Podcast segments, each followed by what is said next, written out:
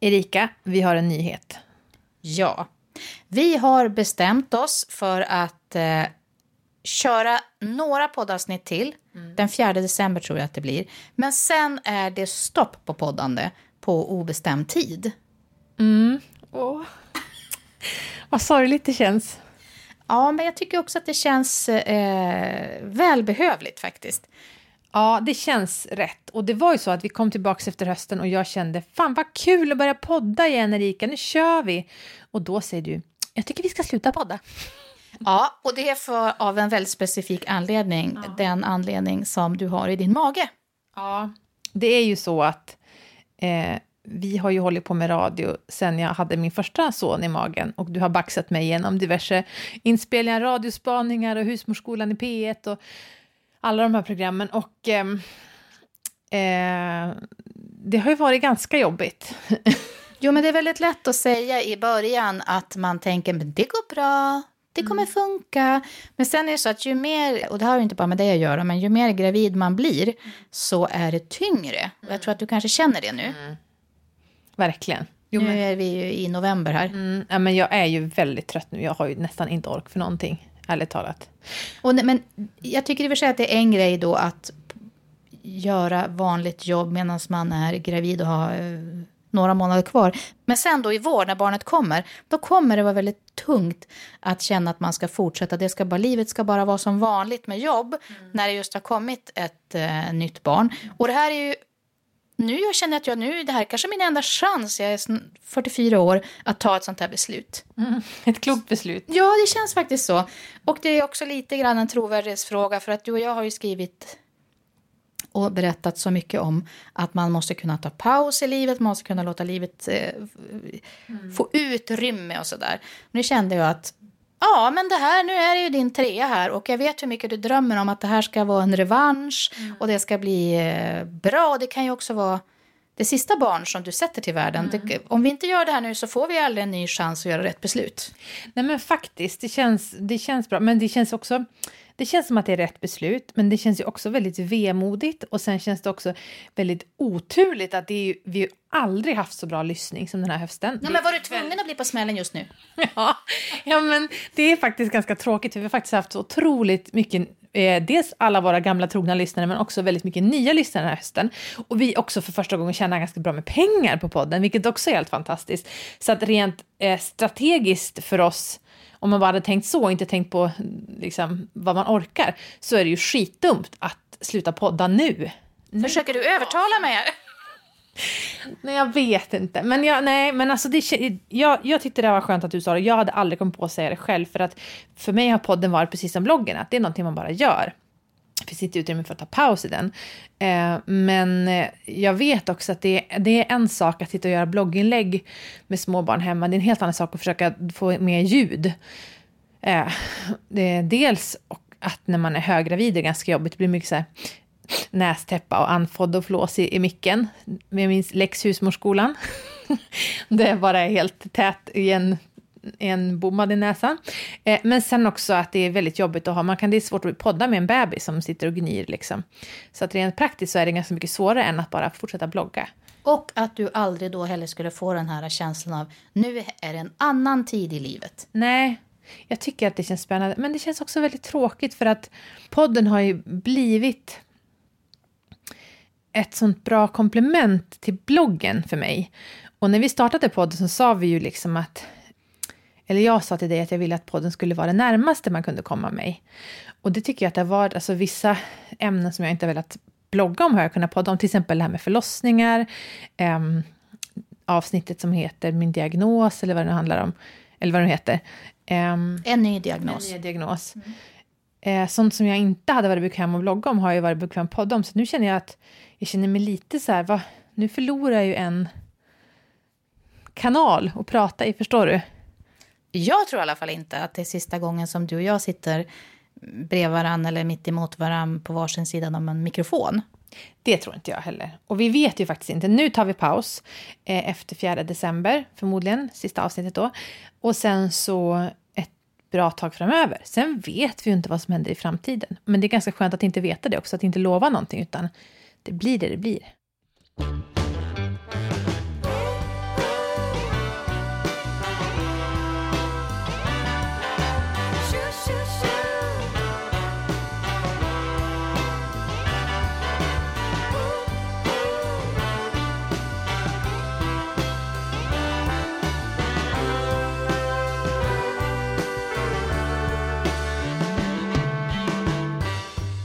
Mm, det som har varit så roligt med att göra så här många poddavsnitt är att jag har lärt mig väldigt mycket. Jag tyckte att jag kände det innan vi gjorde podden, men det är ju jag känner ju så himla mycket mer sen vi startade podden och pratar så mycket och också inte bara det vi har spelat in utan också det vi har pratat inför poddavsnitt. Vi har ringt varandra flera, ibland flera gånger om dagen och pratat om saker som rör teman, annonsering och kommentarer vi har fått eller så.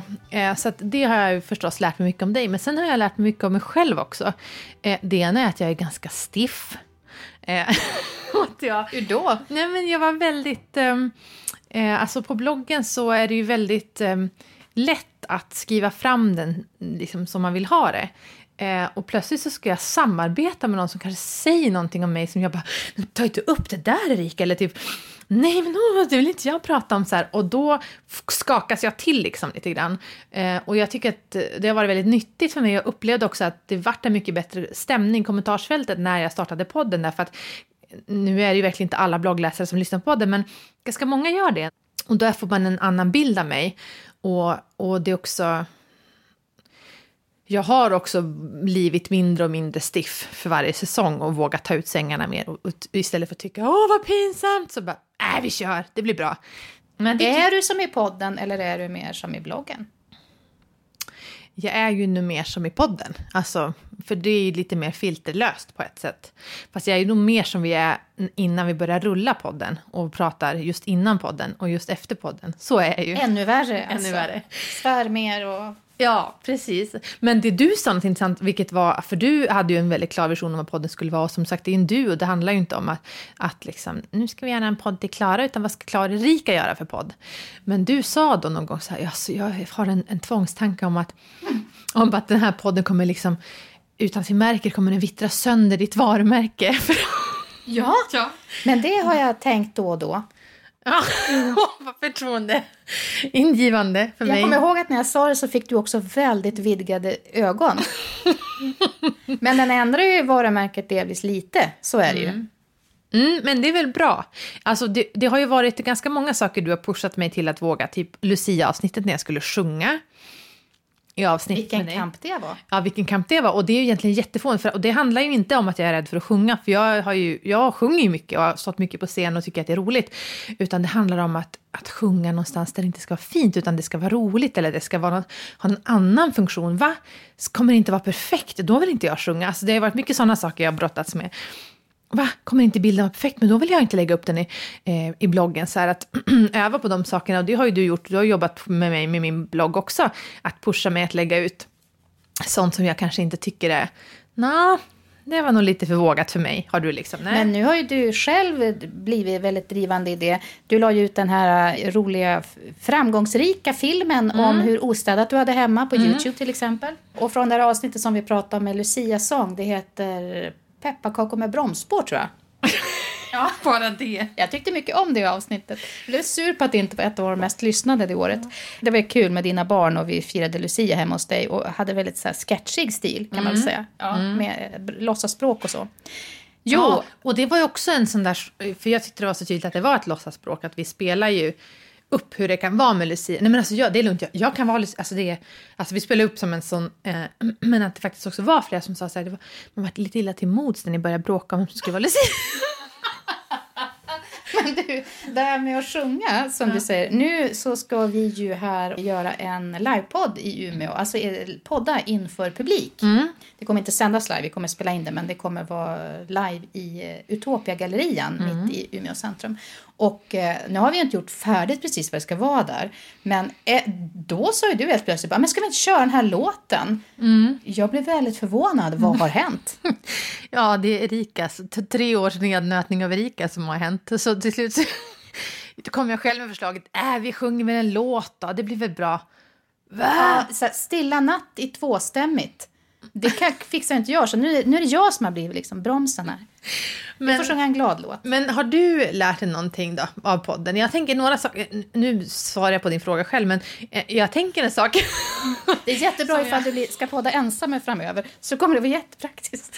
Håller jag mig själv. Nej, en sak jag tänker på, det är ibland när du har varit så här, äh fy fan, det där temat känns inte intressant. Och så har har vi lagt upp, har vi ändå gjort en podd för att kanske det har varit någon som önskat ett podd på det temat. Till exempel om religion och tro. Och, och liksom har du tyckt, ah, men det ska vi prata så mycket om det. Och så får det jättemycket genomslag. Har det varit något sådant, förutom kanske den grejen, har du lärt dig någonting eller fått någon... Ja, ja, du hade rätt. Nej, men det var väl den största missbedömningen jag har gjort. Det var det att jag, och fortfarande så tycker jag lite samma om det. Att både du och jag är ganska grunda i, alltså vi går väldigt mycket på känsla när det gäller tro. Och då finns det kanske inte jättemycket att säga. Men en sak som jag börjar förstå lite är att det kanske inte är så vanligt att människor pratar om sin tro, så även om man inte har så där otroligt mycket rafflande genomtänkta saker att säga så kan det ha något sorts värde ändå. För det är en av de frågor vi har fått återkommande som ni som lyssnar har hört av er om. Jo, men en kompis som hade hört det som eh, eh, präst. Vi pratade just om det här avsnittet någon gång när du säger att eh, du får rätta mig om jag citerar dig fel, men du säger tror jag att du vet att du känner en övertygelse om att din tro är den rätta tron. Och då hör man att jag blir lite så sur. I alla fall tyckte hon att man hörde det. Ja, så jag, men hur kan man, hur kan man väl inte bara säga att alla andra troende människor runt jordkloten har fel? Hur kan man bara säga det att man att eh, avfärda dem och säga att Förmätet. min, Ja, men exakt. Jag tyckte att det var förmätet. Eh, och jag blev så förvånad att du sa det, för det var en sån sak som jag aldrig har tänkt på att vi kunde ha så olika inställning kring. Jag vet inte, vad tänker du om det nu? Nej, men jag förstår det. Man blir ju ganska provocerad, men det är väl det som är att ha en tro. Alltså om man har en varm tro, tro liksom, för annars har ju det ingen värde. Man bara, fast man kan också tro tvärtom och då är det också rätt. Alltså, det måste inte vara att man fördömer någon annans tro, men mer att ja, men jag, tror, alltså, jag har ju utvalt att tro så här. För att för mig är det det som är mest rimligt och logiskt. Och, och, och logiskt och rimligt. Det är det som jag tror på helt enkelt. Ja. Men vad sa din prästkompis om det där? Då? Ja, hon sa då att eh, ja men Erika, du blir ju sur på det där för att du är ju mystiker. Okej. Det tycker jag låter väldigt pampigt Ja. och fint. Det vill jag gärna vara. Jag vet inte riktigt, jag har inte ringat in och läst på riktigt vad det står för. Men det är väl att som mystiker så gillar man inte att man ska eh, ringa in saker, sortera upp, göra så svartvitt. För då försvinner liksom magin.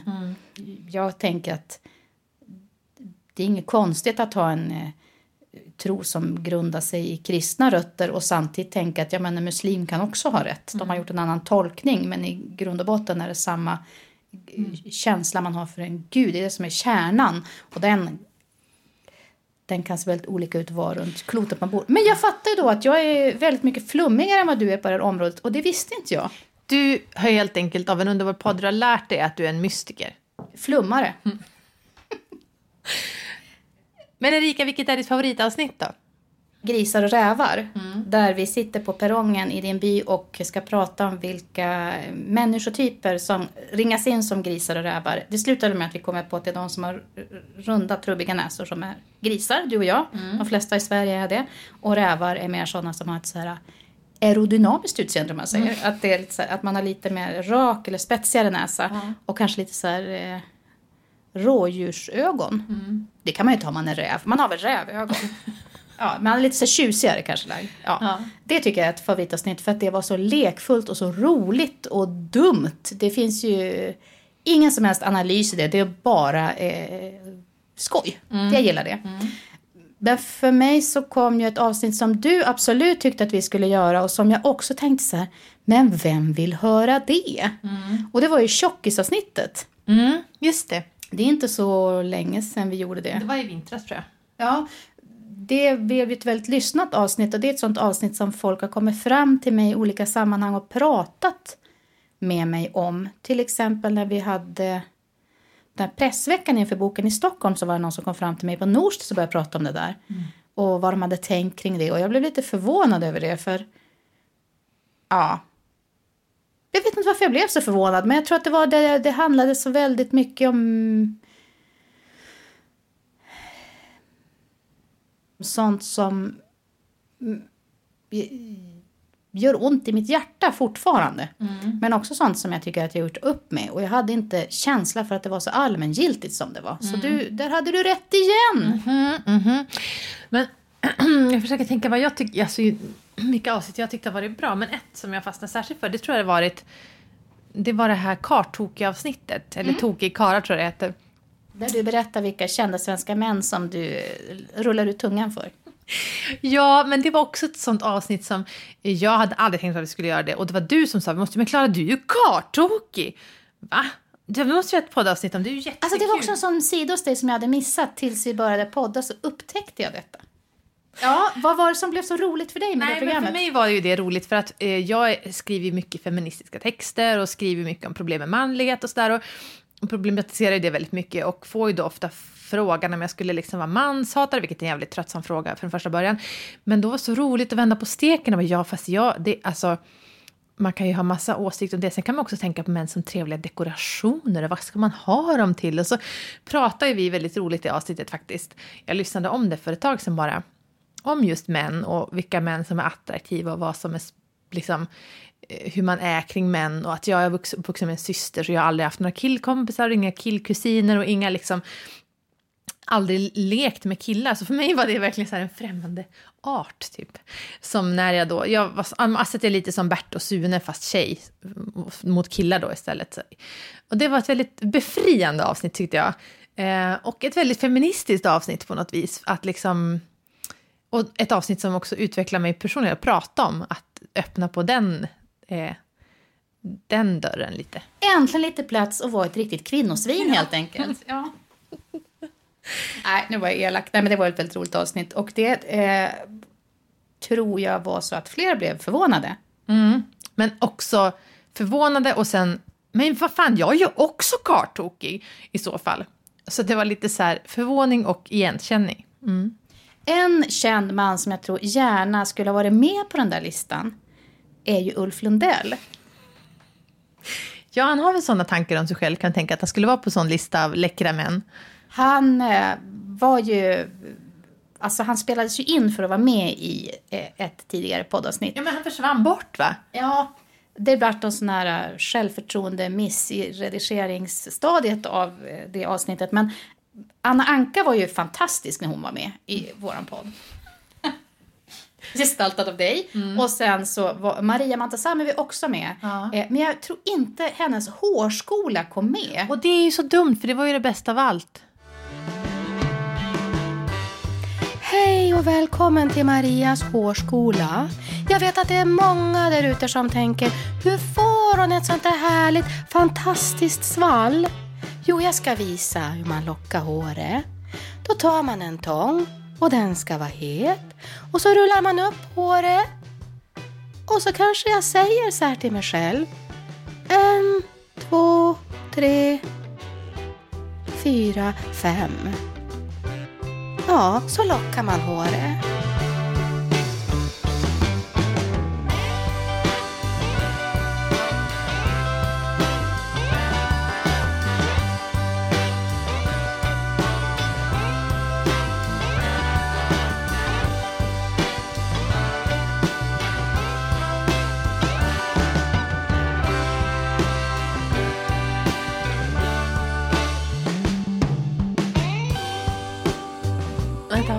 Hur är det hon gör då? Vänta, nu måste jag köra. Jag kommer behöva köra många gånger. Ja, du, jag får inte hålla så nära för jag kommer bli döv. Hon skryter ju sådär. Äh, Ja.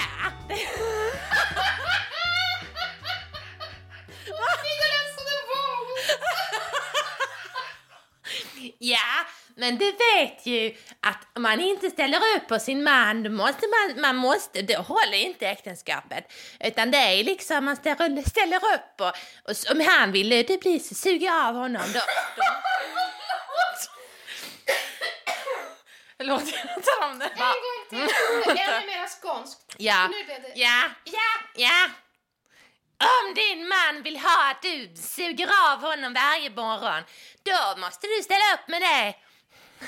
Men Anna, du måste vara fri. Du måste släppa skafen och låta den driva i vinden och känna att Ja, jag står för ja, den. men folk är bara avundsjuka. För jag, har- jag och Paul har så mycket pengar. Det är bara så, jag, jag hatar det. Jag hatar det när folk är avundsjuka.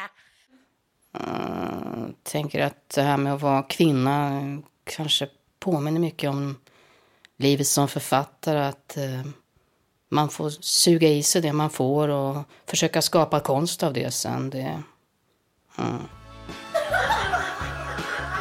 Otroligt äckligt! Man får suga i sig det man får.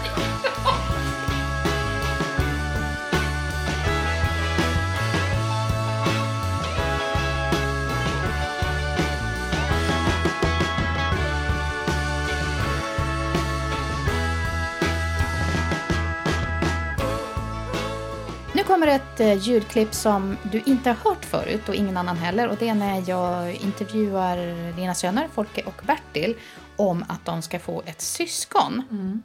Du ser lite nervös ut. Ja. ja. När spelar du in det här? Det har jag gjort nu i höst och det var, du var väl inne och bajsade eller gjorde något väldigt länge på toan så jag varit lite övervänt så att jag började prata med dem. Ja. Jag blev själv rätt förvånad över eh, en sak som de sa. Vi ska höra hur du reagerar på det. Här kommer Bertil och Folke. Nej, jag ska sitta här. Okej, men då kan inte du höras. Då blir för långt bort. Ni måste sitta nära, och du också Folke, om du sätter dig på rumpan annars kommer du inte höras. Hör folk mig nu då? Ja, nu vart det för högt. Nu, om ni sitter, så tar vi bort det. Nu vill jag höra, hur ska det bli Folke att du ska bli storebror? om något annat än det. Vad vill du prata om då? Vet inte. Nej. Du kan ju hänga på med ett nytt förslag själv om du vill. Men Bertil, du har ju varit storebror förut, men nu ska du få ett syskon till. Hur känns det? Roligt! Vad är det som är kul att, att ha syskon? Eh, jag vet inte.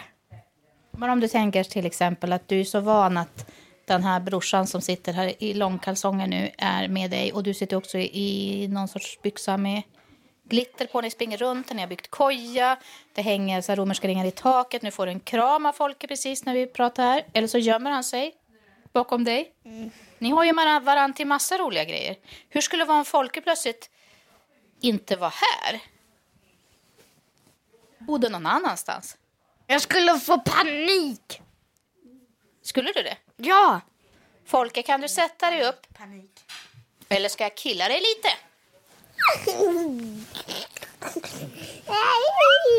Det behövde inte jag, för det gjorde Bertil. Hur skulle det vara om Bertil inte var här? Jättetråkigt. Vad skulle, vad skulle vara annorlunda då? Kan man inte bara bygga koja själv? Och... Jag kan inte. Varför inte då? För det är så svårt. Vad sa du? Om man så ska bygga sådana kojor som vi gör, då Det är måste svårt. man vara lika stark som... Man måste vara väldigt, väldigt stark för vi använder typ såna, de här kud, soffkuddarna. De orkar inte Jättetråkigt bära. skulle det vara. De, eh, och bygger med soffan och stora fåtöljer och massor av andra stora möbler. Det skulle kännas jättetråkigt om Bertil inte var här. Jag fattar det. Bertil är en rolig typ och det är du också. Du gör ju till exempel en massa miner, ligger och sticker ut tungan till mig nu. Då kan det bli så att jag killas, eller det kommer bli så. Kolla här! Vad är det? Ingen aning. Men ni ser vad det är. Som sticker upp. Ett finger. Det är inte vilket finger som helst. Pekfingret. Ja, exakt. Men det är inte bara vilket pekfinger som helst. Det är mitt killekillfinger! Hör du din pruttis? Få höra. Har du tänkt... Ja, en vårta har du på ditt finger, men det bryr jag mig inte om. För jag har känt många pojkar som har haft vårtor på fingrarna. Om du nu tänker så här, att du skulle aldrig kunna tänka att Bertil inte bodde här. Alltså om ett år, då kan du känna precis likadant för ett nytt syskon som ligger i mammas mage. Ja. inte det väldigt häftigt ändå? Att det kommer komma en ny person hit om några månader som kommer bli precis lika viktig för dig som Bertil är. ja. Vad tror du att det är för liten filur som ligger i mammas mage? Baby. Ja, Tänk om det är en utomjording som kommer från yttre rymden. Tänker ta över hela jorden. Knasiga bäckar. blir vuxen. Knasiga. alltså att mamma är som ett tefat med massa aliens i. Ja. Ja, det, tanken har slagit mig också faktiskt. Att det kan vara precis på det sättet. Men vad tror ni att det är? Tror ni att det är någon som har mörkt, lockigt hår? Eller kanske massa, massa, massa rött hår. Hoppas inte det är något med toppigt. fem ögon. Hoppas inte det är något med sånt här svart hår. Svart hår. För eh, statsministrarna eh, de bestämmer att de, de, som inte har, de som har svart hår får inte bo, vara i, i Sverige. Ah, du tänker att om den har riktigt mörkt hår så kanske den blir eh, eh, illa behandlad, då att man är taskig med den? Ja, för, för han, mamma säger att de som mörk hy eh, tycker Sverigedemokraterna att de inte får bo i Sverige med annorlunda hy. Vad tänker ni om det då? Hoppas Då- det är någon med rött hår. Hoppas det är... Som jag har Hoppas babyn på har... vintern. Hoppas bebisen har rött hår. Är det den bästa hårfärgen? Ja, det är världens bästa hårfärg. Men nu har du blivit blond, Bertil. Är det, känns det negativt? Hatar blond. Okej. Det där kan man ju ofta ändra sen när man blir lite äldre. Om man själv vill. Nu kom hunden Melker också och trängde sig in i samtalet här. Det blev lite svårt. Han blir nog lite avundsjuk på att han inte har varit med i En underbar podd idag. Han försöker tränga sig in mellan dig och mig, Folke. Ja, men okej. Rött hår. Har du några andra tankar om hur du, som du tänker att det här syskonet ska kunna ha? Brun hy. Black, black, black, Blått hår. Blått hår? Ja, folk tänker blått hår. Jaha. Vad hände? Panik, panik, panik, panik.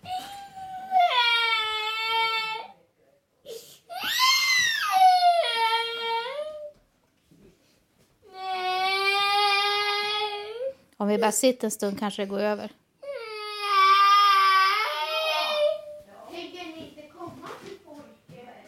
Vill du att jag ska gå, Folke?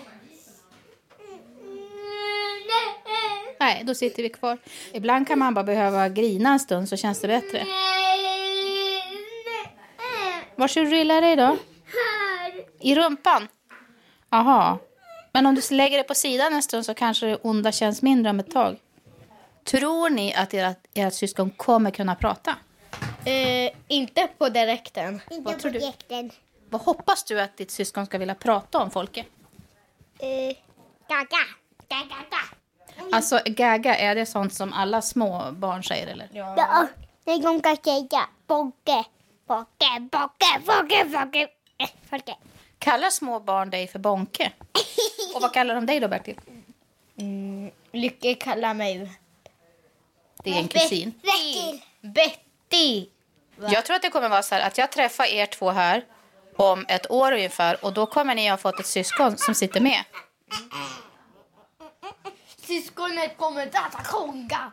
Och jag kommer komma med en kongasmaterial. Åh. Ja, du ser att jag blir alltså, nästan lite tårögd, för det är ju väldigt fint. Dels för det första att få höra sina barn prata med en annan vuxen och höra hur de resonerar kring att bli syskon. Men sen så, det folk säger, när han först säger att hoppas det inte blir någon med svart hår, känner man ju så här vad ska du säga nu liksom? Vad är, det, är det inte bra med svart hår? Så, och så att liksom, han, han är ändå fyra år. Um, och han har koll på att eh, det kanske inte är så bra. Liksom, du kanske inte går så bra, du kanske inte blir så gynnad av samhället om du ser annorlunda ut. Och det finns till och med politiska partier som inte tycker att man får stanna i Sverige om man är svarthårig. Um, och även Bertil då, att han har snappat upp det och lyssnat och förklarar liksom.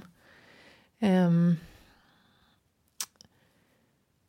ja, blir ledsen att det är så. Och att det, de, jag har ju förklarat det för mina barn, för vi, de har ju suttit och sett partiledardebatter med mig och berättat liksom vilka partier, hur olika partier tänker och så här. Och, att det finns rasism och hur rasister resonerar och så här. Um, men det är jobbigt att tänka att de ska vara medvetna om det när de är fyra år. Uh, ja, och sen också väldigt gulligt med barns logik att förstås också det att, vi, att jag skulle få ett svarthårigt barn och uh, att det, det, den då inte skulle få stanna. Alltså hela, hela logiken är väl kul. Och sen att ja, hoppas den blir rödhårig. Så är det problemet löst. Ja. Vad Hade tänkte du en aning om att han...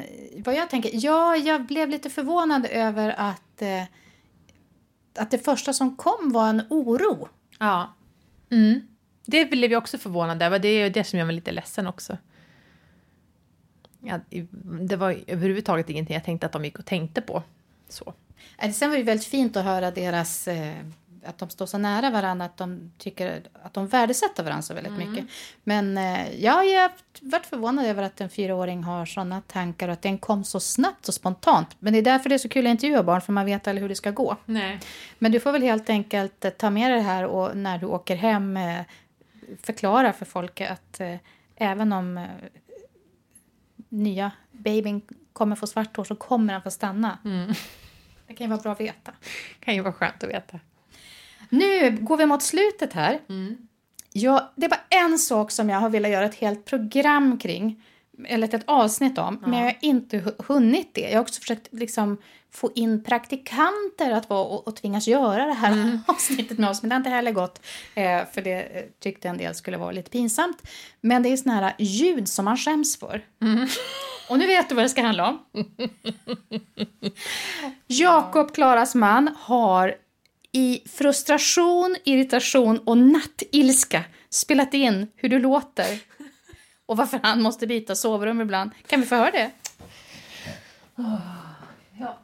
Ångrar den dagen jag lät dig höra det här klippet. Då tyckte jag att det var väldigt roligt, men nu ska vi se. Du var däremot ganska snabb med att visa när du åkte fast bilden som Trafikstyrelsen skickade till dig när du hade åkt fast i en fartkamera. Det var du lite stolt över. Ja, men den... Var jag inte ganska bra på den här bilden? Nej men jag, det var ju så roligt, ursäkta, innan snarkljudet så jag åkte ju fast i en fartkontroll, det var så pinsamt alltihop. Jag hade glömt bort att jag skulle bli intervjuad.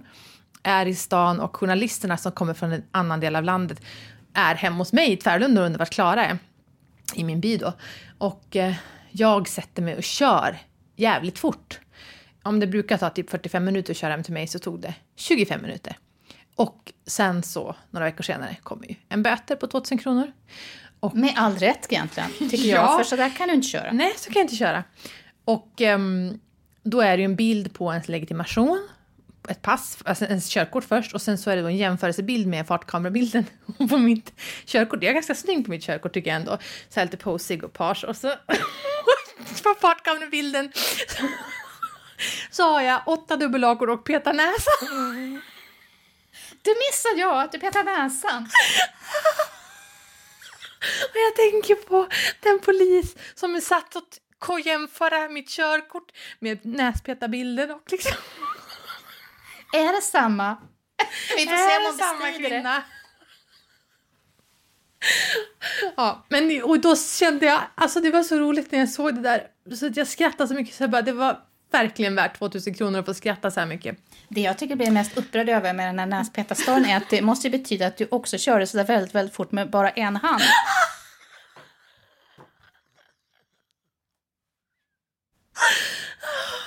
Ja. Nu ska vi se nu om du har lyckats hitta... klippet på, som min man har spelat in på mig en natt när han är väldigt arg.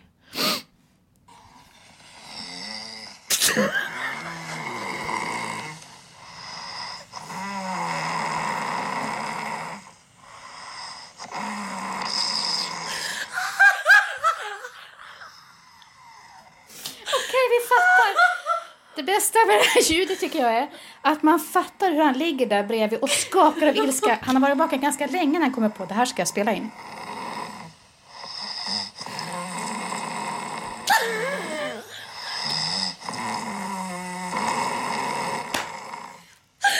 Ja men du, jag tänker stackars dig, jag har ju ändå sovit i din dubbelsäng flera nätter.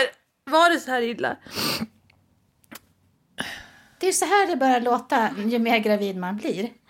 Det är så här vi inte kan ha det i podcasten. Gud. Att det ska vara såna här ljud. Som det faktiskt Nej. blir helt Vi naturligt. tar ett uppehåll bara för att förskona er från den här fruktansvärda ljudbilden. Ni får tänka så. Jag tycker det var fint att det att bjuda både på Peta näsan-bilden, Ja. vi kan alla se den i huvudet Ja. tror jag, och eh, det här snackningarna. Och känner inte nu hur mitt varumärke liksom vittrar sönder? Det är dags att sluta.